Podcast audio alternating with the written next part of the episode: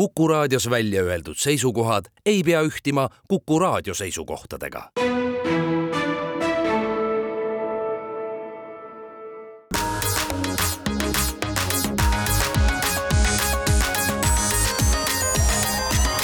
digitund. digitunnile ja digimaailmale annab hoogu Telia tere hommikust, head Kuku raadio kuulajad, on esmaspäev, kahekümne kuues veebruar ja Digitunni stuudiosse on täna kogunenud Mait Tafenau ja Andrus Raudsalu. Indrek Vaheojal lehvitame kuhugi soojale maale, kus ta hetkel päikest võtab. ja meie vaatame siit kurva näoga aknast välja, aga äh, toome teile, teieni äh, möödunud nädala tehnoloogia uudised ja lisaks on meil stuudios ka kaks külalist, kellega me räägime saate teises pooles. külas on meil Andres Sooneste ja Toomas Põllupüü Teliast, kellega me räägime siis sellest, et kuidas saavutada see olukord, et te tegelikult ka teate, mis teie infosüsteemides toimub. ja võib-olla ka muudes süsteemides. nii, aga lähme uudiste juurde ja siis äh, turvauudiste rubriigis on äh, täna üks selline äh, pigem rõõmustav uudis, nimelt siis äh, on toimunud maailmas üks suuremat sorti politseioperatsioon, kus siis tervelt üksteist riiki panid oma jõud kokku. Operatsiooni nimi oli Operation Kronos ja selle käigus siis võeti kinni kaks siis Lockbiti lunavarasüsteemi noh, ütleme siis peamist operaatorit Äh, ja kahele teisele äh, siis äh, väljastati vahistamiskäsk, no need kaksteist on Venemaa kodanikud, nii et tõenäoliselt neid vahistada on suhteliselt keeruline. aga, aga siis igatahes on Lockbiti siis lunaraha operatsioonid saanud kõva hoobi. Ja nüüd hea uudis kõigile neile, kes on siis sattunud Lockbiti ohvriks, siis on äh, on siis antud välja ka siis äh, üks selline tarkvarajupp, mis siis Lockbit kolm nulli äh, äh, siis dekrüptib ehk kui te olete siis sattunud nende pahalaste ohvriks, siis nomoreransom.org on siis selline veebisait, kuhu minna ja kust on siis võimalik see lahtilukustamise tarkvara endale alla tõmmata. siia on hea meenutada ka head niisugust soovitust, et lunaraha ei soovitata kunagi maksta, hoidke pigem need andmed alles, kui teil nüüd homme vaja ei ole, siis, siis võib juhtuda, et ülehomme te saate need ikkagi tagasi ja arvatame, et tegemist on teie niisuguse mälestustega või piltidega, mille võib-olla tõesti iga päev ei vaatagi, siis hoides alles võib juhtuda, et aastate jooksul tulevad need võtmed välja ja saate andmed tagasi mälestuste või piltide või äh, näiteks äh, transaktsioonide kirjeldustega teie e-poes, et mida te võib-olla iga päev ei vaata, aga mida teil ikkagi võib vaja minna, aga okei okay.. aga lähme siit äh, uudistega edasi äh, äh, möödunud nädalal oli ka siis ajalooline hetk, kus üle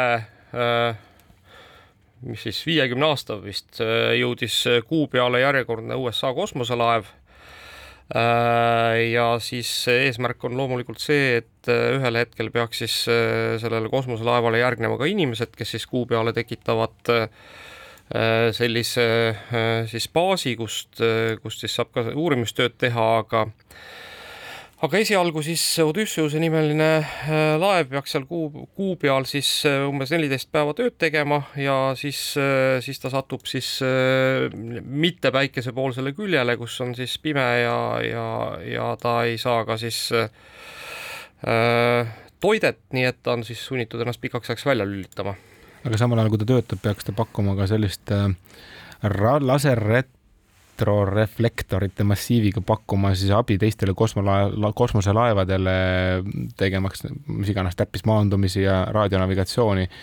niisugune majakas olema, ühesõnaga et äh, oleks millegi järgi navigeerida parem ja kergem, nii et äh, tal on ka niisugune pikaajaline eesmärk. jah, aga noh, ikka ütleme nii, et kuu on ikkagi äh, praegu selgelt võetud sihikule, sellepärast et kui ma nüüd oma mälus sobran, siis viimase poole aasta jooksul on ikkagi väga erinevaid kosmoseaparaate kuule lõpuks maandunud, nii et ja erinevate riikide omasid, nii et tundub, et siis kuu jagamise aeg on käes. ma hakkasin mõtlema, et oli vanasti mingid niisugused ägedad saidid, kes müüsid maa, kuu peale krunte ja, ja vot nüüd on, nüüd on nagu see, et, et tõehetk tõehetk saabub jah, et kas sa oma krundi välja saad ka ühel hetkel lunastada, aga okei okay,, lähme siit edasi natuke tõsisemate uudistega. Äh, Reddit, kes on siis pikka aega olnud sellises äh, staatuses, et äh, ei ole väga selge, kas ta on noh, niisugune suurepärane business või, või keskpärane business aga mis ta kindlasti on, on ta on üks viimaseid kantse internetis, kus on jäänud otse inimeste suust või otse inimeste sulest või, või klaviatuuri pealt tulevad tekstid alles, et, et kindlasti Redditisse ei kirjuta tekste tehisintellekt ja selle tõttu on Reddit ka olnud siis tehisintellekti arendajatele hästi suur varasalv selleks, et kust siis saada noh, originaalseid tekste. Ja nüüd on siis Reddit teatanud sellest, et ta kavatseb teha äh, IPO ehk minna börsile ja samal ajal äh, on ka müünud oma ligipääsu siis, ma tean, et esiteks Google'ile ja ka OpenAI-le Google'i oma koha pealt on isegi räägitud mingitest summadest, et kuuskümmend miljonit aastas, no suht tagasihoidlik summa, isegi ma ütleks täna mõeldes selle peale, kui palju sinna AI-s raha liigub ja kui oluline see data seal taga on. Aga ütleme niimoodi, et äh, selle üle oli pikk skandaal siin vahepeal, kui nad kõik need ligipääsud kinni keerasid ja ütlesid, et äh, meie siin maksame raha, et äh, need kõik asjad, süsteemid püsti hoida ja nüüd teised kasutavad neid mitte sellel eesmärgil, mille jaoks me selle loonud oleme. Jah, aga see on, ütleme, et, et see nüüd, ma arvan, see Redditile ligipääs on iseenesest päris huvitav teema, et noh, et, et Google otsustas maksta kuuskümmend miljonit, mis on umbes kümme protsenti, ma arvan, sellest rahast vist, mis noh, täp-, enam-vähem äh, teadaolevate andmete järgi Reddit aastas teenib, noh, nii et siis päris märkimisväärne äh, summa ühe nii-öelda diili eest, mida, noh, mida ta niikuinii teeb täna, eks, et ta niikuinii ilmselt äh, üritab sinna Redditile ligi pääseda, neid andmeid sealt saada. Äh, aga nüüd teiselt poolt tuli välja ka siis selle Redditi IPO käigus see, et Sam Altman, OpenAI äh, siis asutaja ja juht, äh, omab, on vist Redditi kõige suurem eraisikust aktsionär, omab ka peaaegu et kümme protsenti Redditist, nii et tundub, et kõik siis tehisintellekti ettevõtted moel või teisel üritavad ka sinna Redditi taha oma küüsi ajada ikkagi. ma hakkasin vahepeal mõtlema, et kellel veel sellist tüüpi varamud on, eks ju, aga noh, ma arvan, et esiteks on Google, eks ju, omades näiteks need emailid ja kõik muud asjad, iseasi, kas nad neid kasutada tohivad, tõenäoliselt ei tohi, eks ju, sellepärast et seal on treeningmaterjaliks mingil hetkel peab hakka robot rääkima neid asju, mida ta teada ei tohiks noh, see on Facebook, kellega on samasugune asi, aga õnneks neil on nagu omakorda juba märgestus, et, et kes on pannud oma postitused avalikuks, kes mitte. väga hea materjal kuigi see on jällegi niisugune kahe otsaga, et Redditisse kirjutad sa ise vist maha võtta ei saa, oma postituste saad. Facebookis võid ise otsustada ringi vahepeal, aga kui masin on juba ära treenitud selle pealt, siis on tal jällegi meeles jaa, aga lähme siit, ma arvan, et tehisintellekti juurde tegelikult tuleme veel tagasi natuke hiljem, et lähme siit praegu edasi võib-olla mõnede niisuguste Telegrami stiilis uudistega äh, Äh, nimelt siis äh, Nvidia, kellest me rääkisime minu arust kas eelmine saade või, või, või kaks saadet tagasi sellest, et äh, kuidas siis Nvidia väärtus on ikkagi hüppeliselt kasvanud, suutis jälle oma kasv-, ka, väärtust kasvatada siis ühe päeva jooksul tervelt kahesaja seitsmekümne kahe miljardi võrra, mis vist on kõige suurem, kõige suurem jah, ettevõtte väärtuse kasv läbi aegade ühe päeva jooksul aga noh, ütleme, et äh, imestada ei ole siin mitte millegi üle, sellepärast et Nvidia siis äh, viimase kvartali tulemused on tulnud ka avalikuks äh, ja noh, seal ikkagi mõned näitajad on ikkagi noh, täiesti uskumatuna tunduvad, näiteks ettevõte ikkagi siis kasum kasvas viimases kvartalis peaaegu et kaheksa korda võrreldes eelmise aasta viimase kvartaliga. aga minu arust see ilmestab nagu väga hästi seda, et kui sa teed ikkagi parima labida kullakaevanduse nagu kõrghetkel, siis noh, ilmselgelt nagu raha teenib tegelikult sina. Noh, põhimõtteliselt küll jah. Et, et, et igatahes noh, siis tuleb õnne soovida kõigile neile, kes on äh, ostnud Nvidia aktsiaid, noh, võib-olla siis natuke rohkem kui mõned kuud tagasi. Et äh, neil kindlasti on täna suu kõrvuni, jah. Äh, lähme siit edasi. Äh, veel olulisi uudiseid, et äh, mõni, mõned saated tagasi rääkisime ka sellest, et on siis Neuralingil esimene inimpatsient, kelle pähe on siis kiip siirdatud ja nüüd on siis, andis Elon Musk X-i kaudu ka teada, et sellel, et see inimene tunneb ennast hästi ja on siis jõudnud selleni, et ta esimest korda on suutnud mõttejõul liigutada arvutihiirt. Ja noh, Neuralingi siis äh, praeguse hetke kõige suurem äh, eesmärk äh, Muski sõnade järgi ongi see, et koguda võimalikult palju siis mõttejõul juhitud klikke. Kusjuures ma mäletan, ütleme üks niisugune viisteist aastat tagasi oli juhus mängida mingit mängu, kus panid pähe niisuguse mütsikese, kus oli hunnik kaablit küljes. Ja siis oli vastasega laua peal oli pall. Ja nüüd olid nüüd ülesanded, kes suudab vähem mõelda sellele,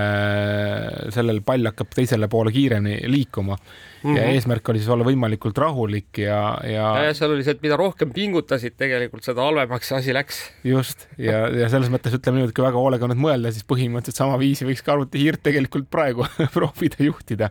arvad, et arvad, et ilma Neuralinkita? jah, täpselt, et, et kas selle jaoks oli vaja nüüd seda operatsiooni teha, on mu küsimus, kuigi noh, tegelikult ma saan aru, et tehnoloogiliselt on tegemist ikkagi erakordse sammuga ja ja võib-olla jälle samm tulevikus lähemale nendele inimestele, kellel on seda abi sinna pähe ka vaja. ja no kui sa mõtled nüüd näiteks äh, selle äh, kuulsa raamatu peale, mille nimi oli Liblikase tuukrikell vist eesti keeles, eks, mis kirjeldas seda ühte autoõnnetust läbi elanud meest, eks, kes suutis äh, muu maailmaga kommunikeerides, kommunikeerida, pilgutades ainult ühte silma et ja noh, ja lõpuks suutis ka selle abil, eks raamatu kirjutada ühe logopeedi abiga, et, et, et ega siis äh, Äh, kui te, kui temal oleks olnud Neuralink, noh, kui palju siis tema elu oleks olnud äh, ikkagi teistsugusem, eks? jaa. Aga jälle lihtsalt uudiseid teile juurde, et kõik, kes on äh, tuntud turvalise suhtlusplatvormi Signal kasutajad ja on olnud kogu aeg mures, et nad seal peab telefoninumbri kaudu ennast teisele inimesele nagu nähtavaks tegema, siis räägitakse, et varsti, varsti enam ei ole seda vaja, saad teha endale ka lihtsalt kasutajanime ja sellega suhelda kõikide teistega see vist on beetas juba ka saadaval, on erinevad uudised siin praegu vihje, vihjanud, et äh, ise ei ole kasutanud, ei ole niivõrd agar kasutaja, aga, aga ma ei tea, kes on, minge proovige. ja siis üks teine niisugune huvitav uudis veel. see nüüd natukene läheb niisugusesse juba nagu kosmosemaailma minu arust, aga aga lihtsalt jäi silma üks artikkel Tom's Hardware'is, kus siis räägitakse, et sõrmejälge on võimalik tuvastada ka seeläbi, et äh, põhimõtteliselt, kui te nagu tahvelarvutit kasutate ja lohistate oma sõrmega seal peal, siis selle tulemusena tekivad helilained. Ja nende helilainete pealt on võimalik äh, tuvastada siis, millise sõrmejäljega inimene seda tegi, sest igal sõrmejäljel tekib erinev muster no ütleme, et nii on muidugi tõenäoliselt, nojah, okei okay,, seal on nagu mikrofon on väga lähedal, eks on ju. no ütleme, ma ei kujuta ette, kas see tavaline tahvel, tahvlis olev mikrofon sellest, selle jaoks on piisav, et niivõrd täppisarvutust seal taga teha. Nende protsent oli küll tegelikult üsna madal, millega nagu tulemuseni jõuti või nagu see hulk sõrmejäljest, kui palju sealt soovitati nagu tuvastada, sellest noh, tegelikult ka selgelt see terve sõrmega mm -hmm. selle nühi, eks ju, kogu aeg. aga lihtsalt faktina see lihtsalt nagu noh, väga huvitav, missuguseid analüüse tegelikult tehakse ja kui palju informatsiooni võib kätkeda nagu mingi suvaline sõrmeliigutus, et, et noh, me tegelikult isegi. see, see meenutab mulle natuke seda ikkagi, seda kunagist äh, spiooni juttu, kus äh, mingisugusesse siis äh, internetist lahti ühendatud, ühendatud väga turvalisse arvutisse sokutati siis mingisugune viirus, mis hakkas siis andmeid üle kandma, noh arvuti peal on teatavasti, vanasti oli see kõvaketta tuluke, eks, et siis kui kõvaketast, kõvaketta poole pöörduti, siis see tuluke läks põlema, et siis hakkas seda tulukest vilgutama niimoodi, et noh, sisuliselt andis seal siis binaarkoodi eh, edasi ja noh, kuskil siis läbi, läbi mingisuguse akna keegi siis binokliga või noh, ütleme mingisuguse optilise seadmega vaatas seda ja noh, see andmeülekanne oli küll väga aeglane, aga aga oli võimalik ikkagi andmeid edasi anda, et noh, et see on umbes samasugune niisugune trikk. minu arust isegi veel samasugusem asi on see, et on võimalik tuvastada sinu klaviatuuri trükkimise sound'i järgi, mida sa potentsiaalselt seal trükid ja ka mujal siis seda nagu taasesitada, et noh, selles mõttes heli on tegelikult meeletult informatsioonirikas materjal, mis võib-olla täna isegi on tihtipeale alahinnatud, aga aga täna ütleme, tundub rohkem ulme, nagu oli ka ai mõni aeg tagasi, aga tänaseks on saanud sellest reaalsus ja mm. -hmm. teame kõik, mida see suudab. kuulge aga... veel, veel paar lihtsalt äh, kiiret äh, Telegrami stiilis uudist äh, TikToki kasutajatele, nüüd on siis ka Eestis saadaval selline asi, et Add to Music äpp ehk juhul, kui te siis vaatate mõnda toredat TikToki videot, siis on võimalik sealt see kõlav muusika siis lisada oma siis muusika äh, äpi playlist idesse. ma arvan, et see on küll erakordselt oodatud funktsioon, aga lähme siitkohalt reklaamipausile ja oleme peagi tagasi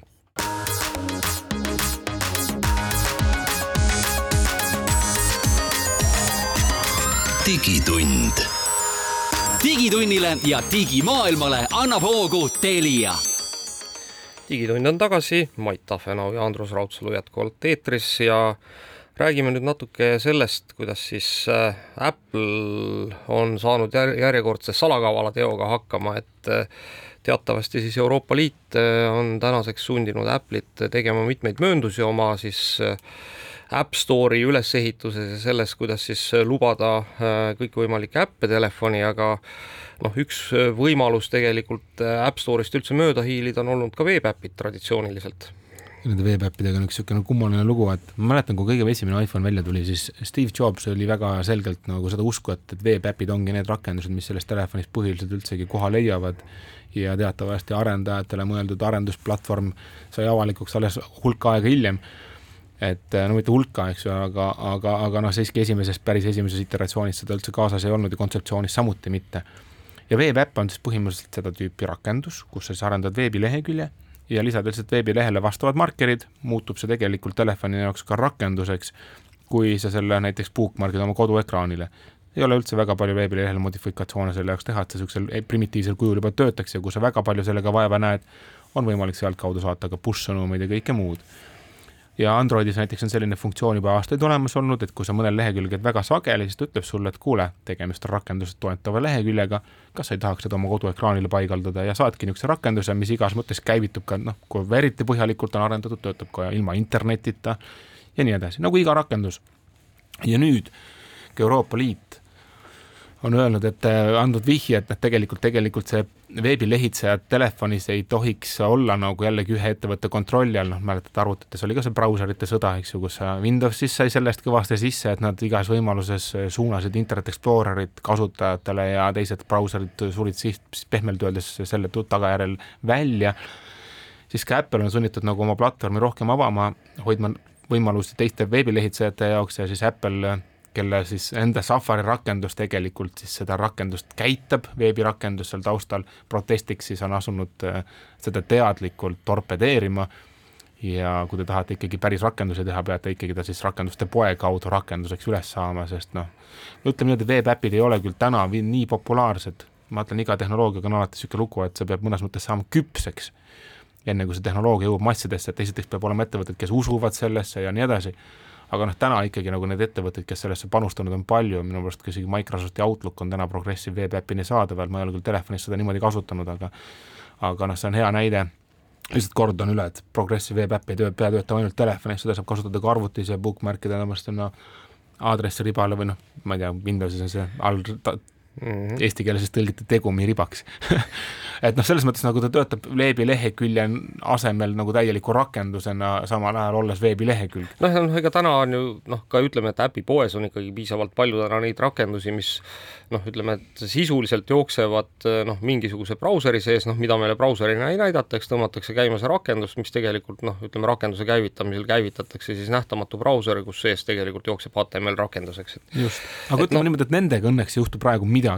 aga just see, et sa saad lihtsalt veebilehekülje mugavalt enda rakenduseks telefonis, vot see on asi, mis tegelikult noh, ma ütlen endiselt, tal on niigi kasvuraskused, et inimesed ei oska seda teha ja need lehekülg, mis seda toetavad, on vähe ja tänasel päeval hakata seda nagu torpedeerima, see on uskumatu. ei no aga see on ju arusaadav, miks Apple seda teeb, noh sellepärast, et eh, kõik need rakendused ju hiilivad mööda sellest, et Apple saaks nende käest seda kolmkümmend protsenti Apple Taxi küsida, eks, et mida siis nagu tegelikult veebipoes küsitakse, noh eeldusel, et ikkagi enamus rakendusi, mis täna on tõsiselt tõsiseltvõetavad, noh, moel või teisel ühel hetkel hakkavad kasutaja käest raha küsima, noh, kas mingisuguse siis igakuise tellimuse eest või noh, mingit, mingit lisaasju müües, et noh, ma arvan, et Apple lihtsalt kardab sealt kaotada ikkagi olulist äh, sissetulekuallikat. võib-olla jah aga ütleme, Android õnneks selles osas on minu lemmik nüüd, et nad toetavad seda tehnoloogiat, millesse mina tegelikult isiklikult väga usun. nii, aga räägime ühe Apple'i uudise siia otsa veel, et siis möödunud nädalal Apple tuli välja ka Äh, sellise äh, põneva teatega, et nad on siis äh, jõudnud sinna, kuhu keegi teine veel ei ole jõudnud, õigemini noh, ütleme, et meil täna kvantarvuteid, reaalselt toimivaid kvantarvuteid maailmas ikkagi ei ole ja noh, ütleme, et kõik see, millest räägitakse, et kuidas kvantarvutid kogu krüptograafia pea peale keeravad, noh, seda meil ka juhtunud ei ole. aga Apple siis igatahes andis teada sellest, et et nende siis äh, iOS äh, seitseteist neljaga ja macOS seitseteist neljaga välja tulev siis äh, sõnumirakendus on siis, omab siis täiesti uut krüptostandardit, selle nimi on PQ3 ja siis see, see muudab siis kogu selle iMessage'i ökosüsteemiga täiesti kindlaks kvantarvutite vastu või nii vähemalt me usume, me ei tea ju tegelikult keegi täna, kui võimas. ühtegi kvantarvutit eh, sellist ei ole, mille peal seda täna testida saaks, aga noh. me isegi ei tea, kui võimsad nad tegelikult tulema saavad, eks ju, et selles mõttes võib juhtuda, et see on nii võimas, et, et sellest ei piisa, aga siiski nagu hea on see, et nad pingutavad selle nimel, et maailm turvalisem oleks ja sellest on nad ka tegelikult ju palju kiita saanud nii, aga ma arvan, et siit, siit oleks nüüd mõistlik eh, hüpata korraga tehisintellekti uudiste juurde, et äh, möödunud nädalal oli päris palju juttu Google'i Gemini'st. selle kohta oli ka mitmeid erinevaid videosid siis, mida siis on väidetavalt inimesed, kes on saanud seda proovida, üles laadinud ja nendest kõige põnevam mul oli see, kus siis Gemini'l oli näidatud videot mingist toimivast rakendusest ja siis öeldi, et aga kodeeri mulle see palun ja ta tegi seda. Mhm. -huh. ehk siis nagu copy with pride sai väga lihtsaks, ma ütleks selle kohta no vot, aga siin muuseas möödunud nädalal oli ka kaks sellist toredat, noh, ma ei oska öelda, toredat või hirmuäratavat või, või, või siis nagu tragikoomilist skandaali siis sellest, kuidas tehisintellekt natuke hulluks läks, nimelt siis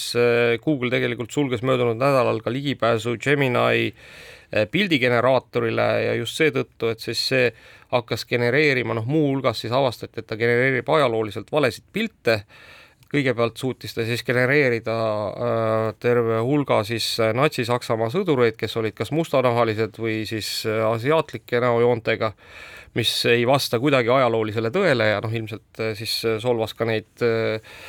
Äh, siis äh, nende rahvuste või rasside esindajaid, kes siis olid sinna Natsi-Saksamaa vormidesse pandud ja siis teine oli siis, äh, ta suutis ka siis genereerida Ameerika siis founding father'ite või siis Ameerika Ühendriikide asutajate siis ühe sellise grupipildi, kus oli siis ka üks mustanahaline, noh, mis täna tunduks väga loogiline, aga noh, tollel hetkel vist paraku olid kõik valgenahalised, kes siis Ameerika Ühendriigid asutasid ja, ja selle tõttu siis, et rohkem ei saaks selliseid ajaloolisi äh, apse, apse teha, siis korjati Gemini hetkel eetrist maha ja läinud kolmapäeval oli ka juhus, kus chat-GPT olevat läinud hulluks, ise sellel päeval ei sattunud proovima, aga, aga saan aru, et vastas, noh, oli tegelikult ka seisakuid, eks ju, ja, ja hiljem vastas täielikku giberissi nii-öelda, nagu öeldakse Eestis. ja jah, ta, ta ikkagi jah, mingil hetkel oli see, et, et kus ta siis noh, ütleme, et täiesti mõistlike vastuste vahele genereeris ka ikkagi noh, ütleme, et lihtsalt suvalisi, suvalisi sõnajärgnevusi kuigi äh, OpenAI ütles siis, et, et nad said suhteliselt kiiresti sellele probleemile jälile ja väidetavalt on see siis ka ära koristatud, aga noh, iseenesest näitab see ikkagi seda, et et Alžeimeri vastu ei ole kaitstud ka tehismeestid nojah, vot mine, mine nüüd võta kinni, et kas, kas tõesti juba siis eh, oma kiire arenguga on ta jõudnud Alžeimeri faasi või on siis mingi muu probleem, aga noh, lõppkokkuvõttes näitab see ikkagi seda, et noh, et, et päris eh, nagu noh, ütleme, et mõtestatult mõtleva aparaadiga ikkagi tegu ei ole, et tegu on ikkagi aparaadiga, mis lihtsalt sünteetiliselt paneb sõnu ritta. Äh, lähtudes noh, mingisugusest tõenäosusest on ju, et kuidas, kuidas see järgnevus peaks olema, nii et äh, noh, seda siis tasub meeles pidada, et ma arvan, et see on hea näide selle kohta äh, mida noh, mida siis võib ikkagi juhtuda, et kui me üleliia usaldame. aga võib-olla paar äh, asja veel, et millest tahaks rääkida, et on äh,, on noh, ilmunud välja kaks äh, sellist toredat tehisintellekti äh, kasutamise, noh, ma ei oska öelda siis tööriista, et äh, Mait, sina oled proovinud Grokki äh, jah, see on päris äh, huvitav, kuidas on olemas, niisugune OpenAI puhul te teate, eks ju, et kui sa kirjutad küsimuse, siis tal läheb ikkagi nagu hulk aega, enne kui ta vastab. noh, hulk aega on suhteline, aga noh, kõigepealt ta natuke mõtleb, siis ta hakkab kuskilt nurgast kirjutama ja, ja noh, eriti kui sa palusid tal midagi keerukamat teha või hoolitseda, siis see võtab ikkagi aega ja see on selline tööriist nagu Grok, mis vastab põhimõtteliselt poole sekundi jooksul ükskõik mis küsimusele, et palusin siin enne eetrit ka veel programmeerida kiiresti näiteks aasta lõpu taimeriga veebilehe ja noh, pool sekundit ja palun ja sama küsimus OpenAI-le läks ikkagi niimoodi, et teine mees jõudis muul teemal päris pika loengu meile siin ära. Põhimõtteliselt loeng jah, no jutu rääkida, enne kui see masin lõpuni oma vastuse kirjutatud sai, et ja täitsa töötas, sai käima. Ja keegi tahab seda proovida, siis seda kirjutatakse groq.com, eks et äh, niisuguseid lahendusi on viimasel ajal palju tulnud ja Andrus, sul on endal mingi teine tööriist? mina, mina näiteks kasutan päris palju viimasel ajal sellist tööriista, mille nimi on siis Perplexity. Äh, ta on siis saadaval nii veebilehena kui vähemalt iOS-il ka äpina ja Perplexity on siis selline noh, ütleme, et siin on nagu naljakas, et kas need järgnevused siis on, eks, et et, et nüüd on siis OpenAI-st välja kasvanud jällegi äh, mingisugused äh, tüübid, kes on siis äh, teinud äh, oma nii-öelda lahenduse. Ja Perplexity väärtus on see, et ta tegelikult miksib siis äh, kõiki äh, olemasolevaid suuri tehisintellekti mootoreid, nii et seal siis ütleme, et kui te veel võtate tasulise versiooni, siis on GPT-4 turbot võimalik kasutada, on võimalik kasutada Anthropicu Claude või siis, mis ta on issand jumal, mis selle Anthropicu, ikka Claude kaks punkt üks või? ei, ei oota, Claude on, on no, mis iganes jah, igatahes Anthropicu siis kõige uuemat äh, tehisintellekti mootorit äh, ja on võimalik siis kasutada ka nende enda sinna äh, mingisugust välja arendatud tükki, mille siis nagu nii-öelda vastused kokku kombineeritakse, pluss äh, siis sarnaselt äh, Copilotile teeb ta ka veebipäringuid, nii et äh, ühesõnaga talle on võimalik anda täiesti vabalt mingisugune teema, mis on vaja noh, välja uurida või mille kohta on vaja siis teha mingisugune kiire referaat ja ta suudab selle teha koos viidetega kõikidele veebilehtedele, algallikatele ja nii edasi, et täitsa nagu äge tuul ja teeb seda ka väga kiiresti no tundub, et ai vallas on palju juhtumas, aga ma ühe asja võib-olla lisaks pane, paneks praegu veel lõppu, et kõik, kes on ostnud vahepeal Samsungi, siis Samsung äh, andis teada, et varsti S kahekümne neljale on tulemas ka võimalus kasutada siis kaua räägitud äh, reaalaja kõnetõlki et sa saad siis kuulda võõras keeles ja, ja telefon tõlgib selle sinule sobivasse keelde, et sellest me oleme palju kordi saates rääkinud, aga aga siiamaani ei ole kordagi olnud võimalik seda vist kellelgi veel kuskil proovida, vähemalt niisugusel kujul, nii et saame näha, millal siis see suun realiseerub päriseluks. aga lähme siitkohalt reklaamipausile.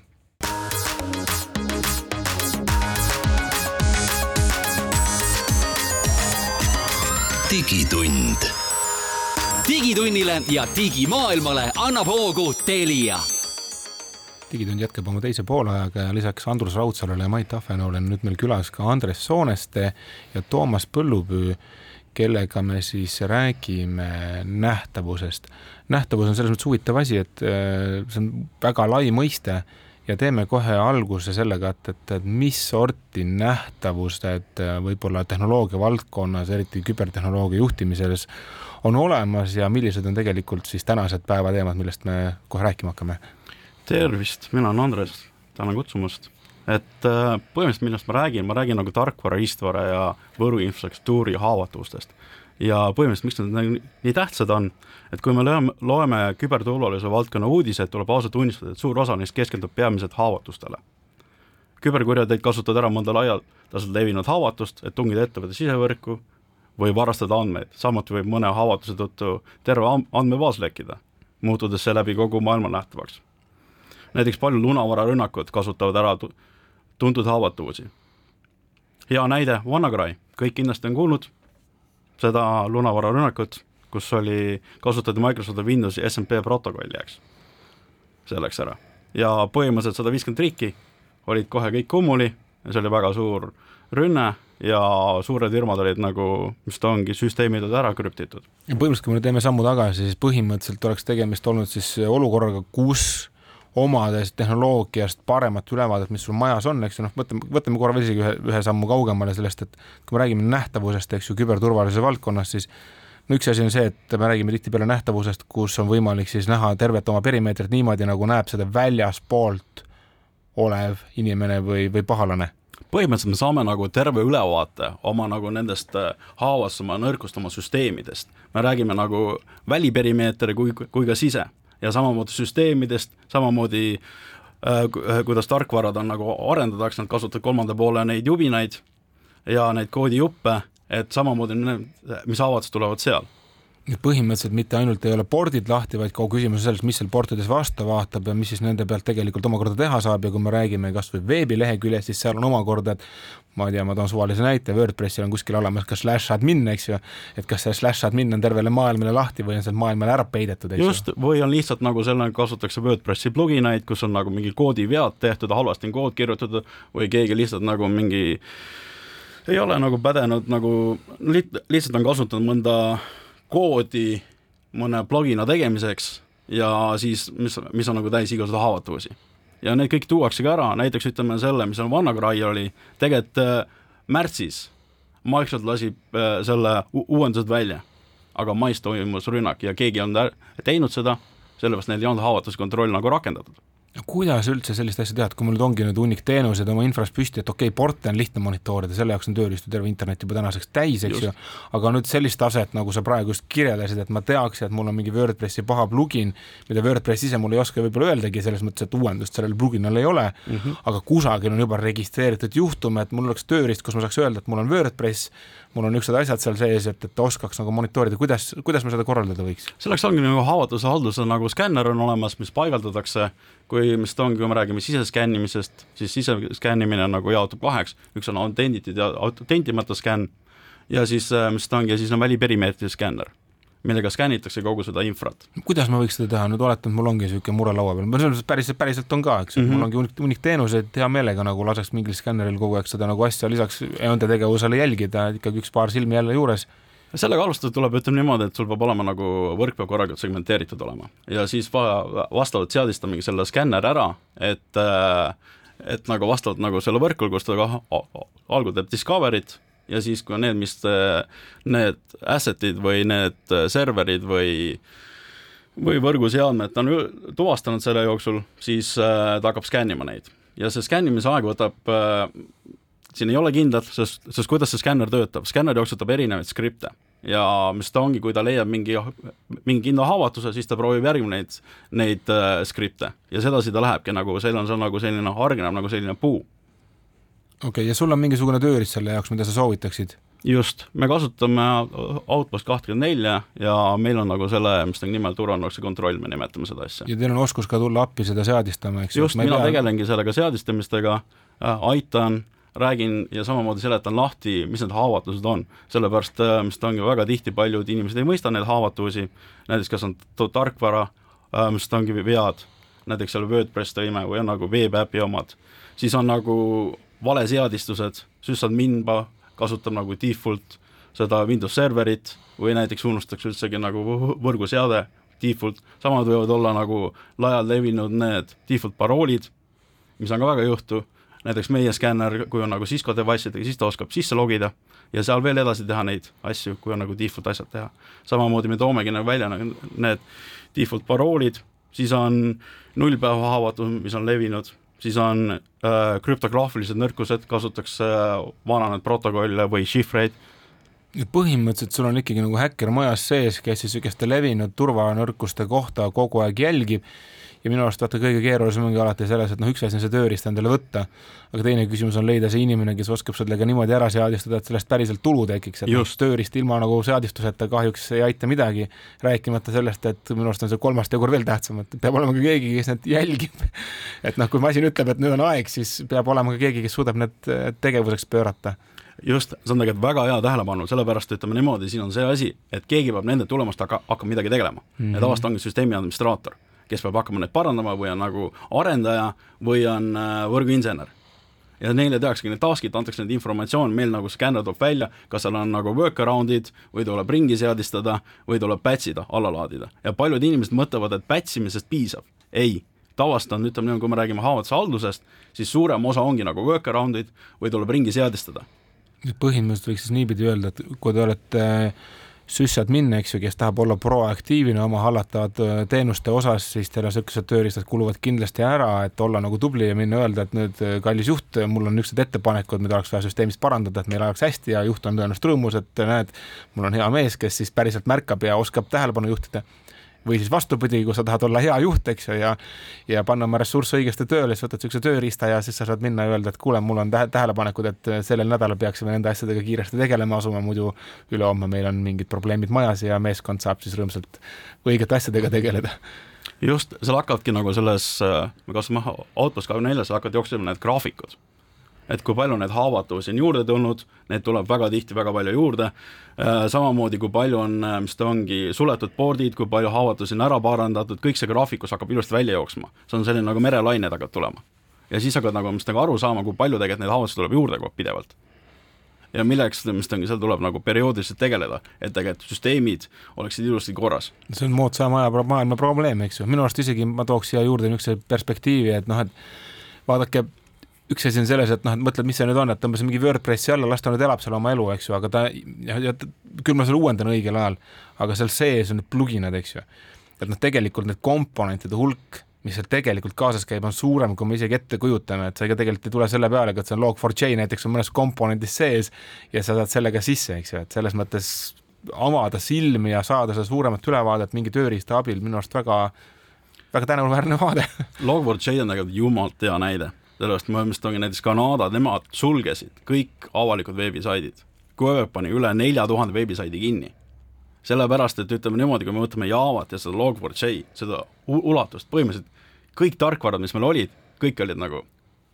mm. -hmm. Ja Java on eks ju väga levinud platvorm igasuguste asjade kirjutamisel, eks ju, ja kui keegi küsib, et miks me Javas kirjutame, siis tehnoloogiajuhina ma võin öelda, et mõelge nüüd selle peale, et kui te tahate teha asju, mis kestaks rohkem kui paar aastat, et noh, et tulid mingisugusel hetkel Ruby on Rails näiteks, läks kaks aastat mööda, keegi enam ei mäletanudki, mis asi see oli, aga sul oli juba kogu infra valmis.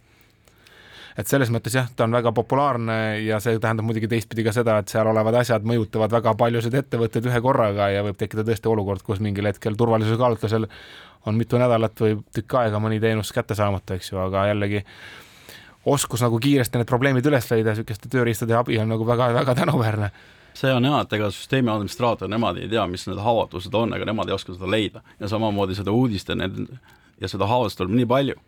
et selle jaoks ongi vaja, see on, see on kõige kiirem viis selle saada nagu ülevaade kogu sellest asjast, mis sa pead tegema. kaua niisugune seadistamine ühele keskmisele ettevõttele üldse aega võiks minna, et noh, ma saan aru, et ettevõtte suurused on erinevad, aga on sul mingi tunne tekkinud täna uh,? ütleme niimoodi, et uh, seda on raske hinnata, siin kõik tegelikult oleneb niimoodi, tegelikult ütleme niimoodi, minu poolelt läheb kiiresti, ma võin rääkida ka, kuidas ma seda tegelikult tavaliselt teen, eks. ütleme nüüd ajaliselt, ütleme niimoodi, et võib olla mingi paar päeva, eks selle seadistamine, aga samamoodi ma koostan graafiku. sest midagi, mingit skännimist ei toimu nagu sellist nagu random aegadel. on mingi kindel ajagraafik, millal nad toimuvad, ma vist ongi, räägin kliendiga ära, samamoodi teavad kõik süsteemi administraatorid, sellepärast kui see skänner jooksutab, siis äh, mõned nagu need äh, antiviirused võivad registreerida, nagu keegi tegeleb mingi ründamisega või nii, ja nii edasi, eks. siis nemad äh,, keegi teine tiim võib reageerida nendele asjadele. sellest näiteks ütleme niimoodi, kui me skännime veebi, siis ta teeb web crawling ut ta käib kõik need lahtrid üle, sisestab asju, et nagu vist ongi tuvastada neid haavatuvusi nii et põhimõtteliselt võiks aidata ka natuke nende toodete vastu, mis mul on rätsepana majas kirjutatud, ehk siis proovida seal mingeid põhilisi levinud viise, kuidas ründajad käituvad ja mida nad otsivad ja mida nad skännivad. et selles mõttes ega rätsep teinekord on äh, samasuguste vigadega kui need levinud äh, avalikud muud tooted, sest vahel ka sinu rätsepa arendaja või ka suuremate vigadega no just, ei noh, seda võib ka olla, aga seal on üldiselt see boonus, et, et vähemalt nagu ta ei tule lihtsalt skänneriga välja unless või noh, välja arvatud, kui sinu enda arendaja võttis snitte näiteks sellest mm -hmm. minu pärast WordPressi pluginast, et kuule, seal lahendati niimoodi, võtame selle sessiooni halduse sealt, et noh, et et sa saad samasuguse probleemiga tegelikult potentsiaalselt pihta või ega need metoodikad alati ei olegi väga palju, lõpuks on ikka sarnased. meil on kohe nad välja toodud, need nagu lahendused, mida nad tegema peavad. kui on haavatus leidnud, siis on kohe põhjendatud ära, miks see haavatus leitud ja samamoodi on siis viited, kuidas nad seda ära parandada saavad mm. -hmm. ja ütleme niimoodi, seal võivad olla, mõnikord ongi nagu ärilised riskid või midagi on võetud, eks ju, okei okay,, me teame, aga kui nad teavad, siis saab juba teistmoodi ringi mängima, et mis on turvaliselt teha, kas teeme võrguringi või midagi niimoodi väga õige. olgu, aga lähme siitkohalt väiksele reklaamipausile ja oleme nähtavusega peagi tagasi.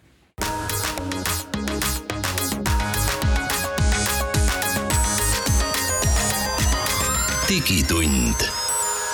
digitunnile ja digimaailmale annab hoogu Telia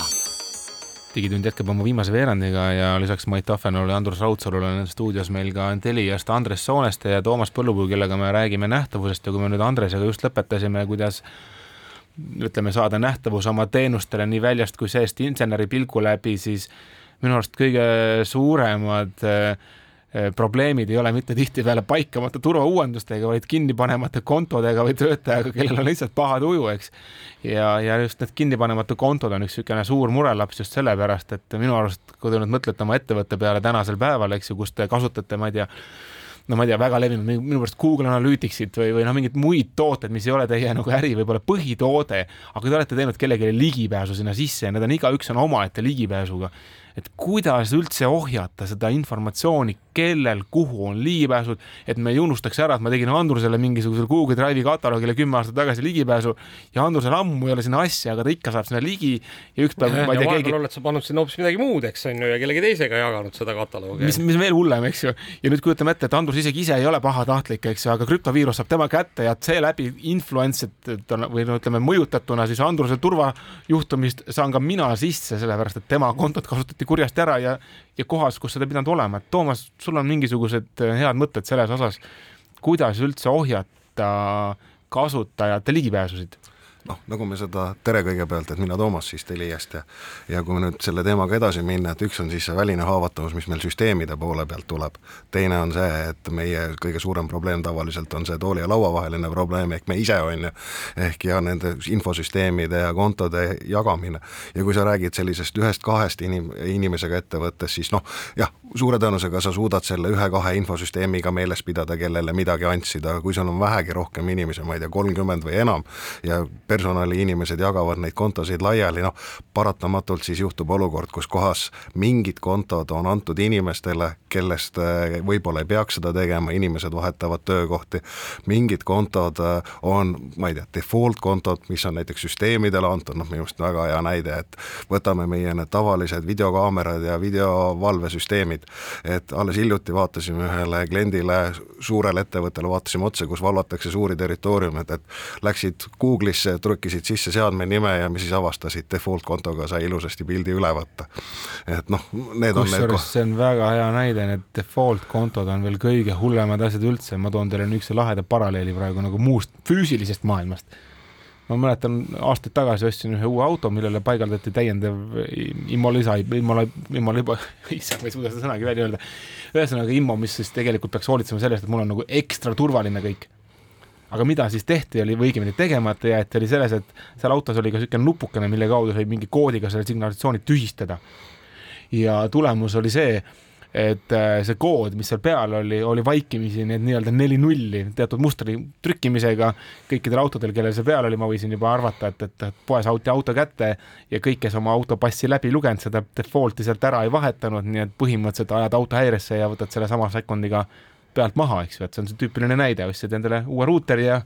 ja täpselt sama, sama teema, saad sisse ja noh, olgem ausad, et olen ka mina näinud olukordi, kus kümme aastat tagasi osad insenerid läksid hotellidesse välismaale ja ütlesid, et internet on aeglane, ahah, saadi teada, mis ruuter on, vaadati, kas default paadiga saab, saab sisse, saab küll ja keerati seal neid numbreid nagu juurde, jah, illegaalne tegevus, aga kümme aastat on möödas, on ju. ega ma arvan, et probleemid ma arvan, ma arvan, et need kohad on siiamaani olemas, kus Need on olemas. Neil koduski on keskmine sama asi, ostsid uue wifi ruuteri ja töötab jah, täpselt, et noh, need on need kohad, millele tuleb tähelepanu pöörata. Ja noh, siis mis meil oleme siis mõeld-, teinud Telias, on seesama, et meil on olemas keskne koht, kus kohas saab siis mitte ainult siis kasutajate kontod kokku siduda, aga meil on süsteemid ja süsteemidel on, süsteemid, kontod on ka omavahel seotud ja pahatihti me ei tea, kes seal, kes seal kontodes sees on, kellel need kontod on tehtud,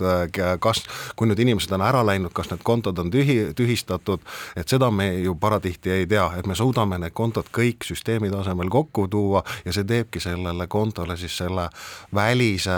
et see, kes seda peab nägema, ta saab teada, kas ja kui palju üldse inimesi seal või mingisuguseid kontosid sees on, kes sinna saab tulla sisse, kes seal võib olla sees, ehk see on nagu hästi oluline. ehk siis sa tegelikult öö, oled mõelnud just lahendada ära see mure, mis on kahepidine, et üks on need vaikimisi kontod ja, ja ma ei tea, siis lausa ma saan aru, sul on mingi tööriist, millega on võimalik neid jälgida, ehk siis ma lisan oma seadmed ja tema kontrollib ise. mul on võimalik, meil on olemas tööriist, mis, mille tulemusena on, kuhu on võimalik kõik äh, seadmed lisada, kes kasutavad mingisuguseid kontosid ja ligipääse ehk äh, ta korjab äh, süsteemi tasemel kokku kogu informatsiooni ja teeb selle avalikuks, ehk sa näed, kes seal saab ligi. Ja ma räägin tänasel hetkel ainult infosüsteemidest, ehk räägime seda, et meil on täna suured kontorimajad, kus kohas me pääseme oma kaartidega ligi, ka füüsiline ligipääs. ehk kas me saame sinna ligi, noh hea näide, üks kallis kolleeg avastas hiljuti, et tal on ligipääs kuskile Paide serveri ruumi, nagu ta ise ütles, ta ei teadnudki, et see serveri ruum seal üldse nagu olemas on, on ju. aga kuskilt olid mingil põhjusel talle mingid sellised asjad nagu tekkinud no,. väga tüüpiline asi on ju, tuleb uus töötaja, ütleb, et pane samad õigused, mis Toomasel on. jah ja noh, on seesama või siis see, et me ütleme, et võtame partnerite teema, mis meil siit nagu läbi käis, et üks partner läheb ära, teisele partnerile antakse samad äh, ligipääsuõiguste pealt, antakse edasi. Ja kui nüüd küberkratid siis teevad midagi või midagi juhtub, on ju, noh, tõesta siis, kes on süüdi või kes ei ole süüdi või milles need nagu probleemid võivad olla. Tundub, tundub niisugune võluvits, mida ausalt öeldes kohe tekkis uudishimu, et kuidas ma saaksin, ma hea meelega ausalt öeldes tõesti ma mõtlen, et keskmisel tehnoloogiajuhil on tihtipeale samale probleemi ohjamiseks lihtsam öelda, et noh, lepime kokku, et ma ei tea, WeTransferi meie majas ei mhm. kasutata, eks ju, et, et paneb lausa kinni selle saidi majast seest mm -hmm. selle jaoks, et et ohjata kuidagi nagu selliste nagu kolmanda osapoole tööriistade, mis ei ole toetatud maja perimeetris, mitte nagu niisugust, kuidas ma ütlen siis, shadow IT levimist majas, kus siis on IT juhtunud ilma IT-osakonna teadmata. no ma ei tea, Dropboxid äh,, ma ei tea, Google, eks ju, kui samal ajal majas on Microsoft kehtestatud standardiks, eks või vastupidi, eks ju, et noh, et, et kuidas siis ohjata, aga tegelikult saab läheneda ka teistpidi, et noh, lihtsalt lepime teadlikult kokku, et need on olemas ja ka on tööriistad, mille abil on võimalik siis seda perimeetrit mugavamalt hallata ja enam ei ole probleemi suurema hulga teenuste jälgimine. noh, võtame näiteks täna, kuidas meie toimetame, et meil on äh, olemas äh, inimestel, igal inimesel on nähtavus ja kord aastas saadetakse info, et sul on nendesse kohtadesse ligipääsud olemas. et saad ka ise auditeerida ennast? ma saan ise ennast auditeerida, et noh, et kas mul on nüüd vaja pearaamatupidamisse seda arve väljastamise õigust või mul ei ole vaja, kas mul on seda ligipääsuõigust, ei ole, et ma saan ise panna mingisugused süsteemid kinni enda jaoks, mitte noh, anda märku, et mul võiks need kinni panna selle asemel, et ma ei tea, juht või keegi istub ja otsustab, et kas ta nüüd peab sinna saama või ei pea saama. kusjuures see on jumala õige asi, mis sa minu arust välja tõid, et äh, jälle tehnoloogiajuhina mulle väga nagu see mõte nagu meeldib, sest vaata, vanasti oli selline asi, et pane muidugi mulle kõik õigused mm, -hmm. tee mind igal pool adminiks, aru saamata et see admini õigus tegelikult on ju vastutus, see on meeletu vastutus, et kui see kuskile lekib, oled sinu, on sinu kontot kasutatud sinu vastu, eks ju. ja anda sulle võimalus ise tuvastada, kus sul ligipääsud on ja öelda, et kuule, et et turvalisuse nimel, et noh, tehke mulle kasvõi teine konto, aga ärme põhikontot palun lase nendesse kohtadesse, sellepärast et ma ei taha seda vastutust äh, kaasas tassida. täpselt ja samamoodi on ju ka nüüd läbipääsusüsteemid, et noh, kas mul peavad olema kohe rohkem kui üks asukoht, kui on mingid laboratooriumid, kus kohas tootmistes või mingisugused kohad, kuhu võib-olla kõik ei pea ligi pääsema. noh, see, kui sellel kaart on teada, kes kuhu ligi pääseb, sul on selle kohta ülevaade, täiendav ülevaade koos tehnoloogiliste kontode ja ütleme IT-kontodega, siis sul tekib üks ühine koht, noh, ja see, mille läbi, mille sa saad tegelikult ka näidata, et noh, sa saad ise selgust, et see on kõige olulisem, sa tead, mil, milline milline on sul tänasel hetkel see olukord ja sa saad selle olukorraga teha, noh tavaliselt, kes seda teenust või kes selle asjaga tegelema hakkavad, siis esimene nägemine, mis sealt nagu ette tuleb, on siis see, et siis hakatakse korda tegema ja kõik, ikka keegi avastab, et mul on mingisugused sellised kontod üleval või sellised ligipääsud üleval, mida ise ei teadnudki, et need sees on, et kas nad on või ei ole, aga süsteemipõhise, juba, aga süsteemipõhiselt on võimalik see nagu kokku tõmmata kuule, aga kui ma nüüd seda päriselt tahaks nüüd realiseerida homme, mis ma nüüd tegema peaks et...? ole hea, helista Teliasse, küsi Toomast Teliast, et juhendame sind nagu õige koha peale. see kõlab jällegi niisuguse suure projektina, kuidas, mitu kuud võtab aega, et minu kõik need tooted, mis mul on olemas, sinna kõik registrisse kanda, et edaspidi nagu seda kõik pilt mõnus oleks? Äh, noh, tal on niimoodi, et äh, kuudega, noh, ütleme, me ise oleme hinnanud, et selline keskmine ettevõte suudab üks kuu ajaga, noh, mis on see keerukus, on seesama, ehk me hakkame kõiki neid süsteeme, mida sina tahad, äh, kus sa tahad selgust ja läbipaistvust saada, hakkame liidestama sellesama meie süsteemiga, mis tekitabki selle näge-, nähtavuse, ehk mida rohkem sul on kontosid või mida rohkem sul on süsteem, seda kauem ta võtab aega. aga selline kuu aega võiks olla selline keskmine aeg, mille seda, mille aja jooksul saab selle nagu ära teha. personaliosakonnale saab ka mingi laheda vormi sinna, et nad saavad päriselt siis selle, selle abil nagu juhtida mõnusalt nagu uue töötaja nagu pardale tulekut et.... Äh, ta on päre-, täna ta on pigem selline, hetkel ta meil on täna selline vaate öö, äh, osa, et selles mõttes sellega juhtida ei saa, et ma ei tea, panen konto kinni või teen konto mm -hmm. lahti, pigem sulle tuleb äh, selgus, kellele mis kontod on, on ju, ja siis ma ei tea, kas siis süssadminid või või peakasutajad siis saavad neid kontosid vastavalt vajadusele siis muuta no igatahes on ju hea see, kui personaliosakond saab vaadata juba seda, eks, et Andrus, pane kinni. on, on ju, ilmtingimata ei pea neid ju ise manageerima, et võib-olla see on isegi ka turvaline, et kui see manageerimine käib veel mingisuguse siis noh, personaliosakond annab teada vastavalt, eks ma ei tea, süssadminidele ja nemad teevad siis muudatused seal ligipääsuõigustes. no vähemalt on parem see, et kui töötaja tuleb või läheb, et noh, eriti veel lahkumine on tihtipeale väga valulik, et sa ei tule selle pealegi, et oota, et mingil Jaanil oli veel sinna ligipääs ka, et, et selles mõttes äh, paneks selle ka ju kinni, aga, aga lihtsalt ei tulnud meelde ja, ja ma isegi ei teadnud, et tal oleks võinud töökohustuste tõttu üldse ligipääs olla, aga no tihtipeale inimesed ei ole ju lihtsalt ja noh, üks asi veel, et ta ei ole see, et sa teed seda hoogtöö korras. ehk see on kogu aeg sul näha. No väga suurepärane, igal juhul minu arust see kõlas ka niisuguse asjana, mida homme tuleks ja tahaks tõesti tööriistana kasutusele võtta, aga, aga kahjuks saateaeg läheb väga kiiresti ja armutult, nii et äh, kuulajatega kohtume jälle nädala pärast ja tänud äh, tulemast!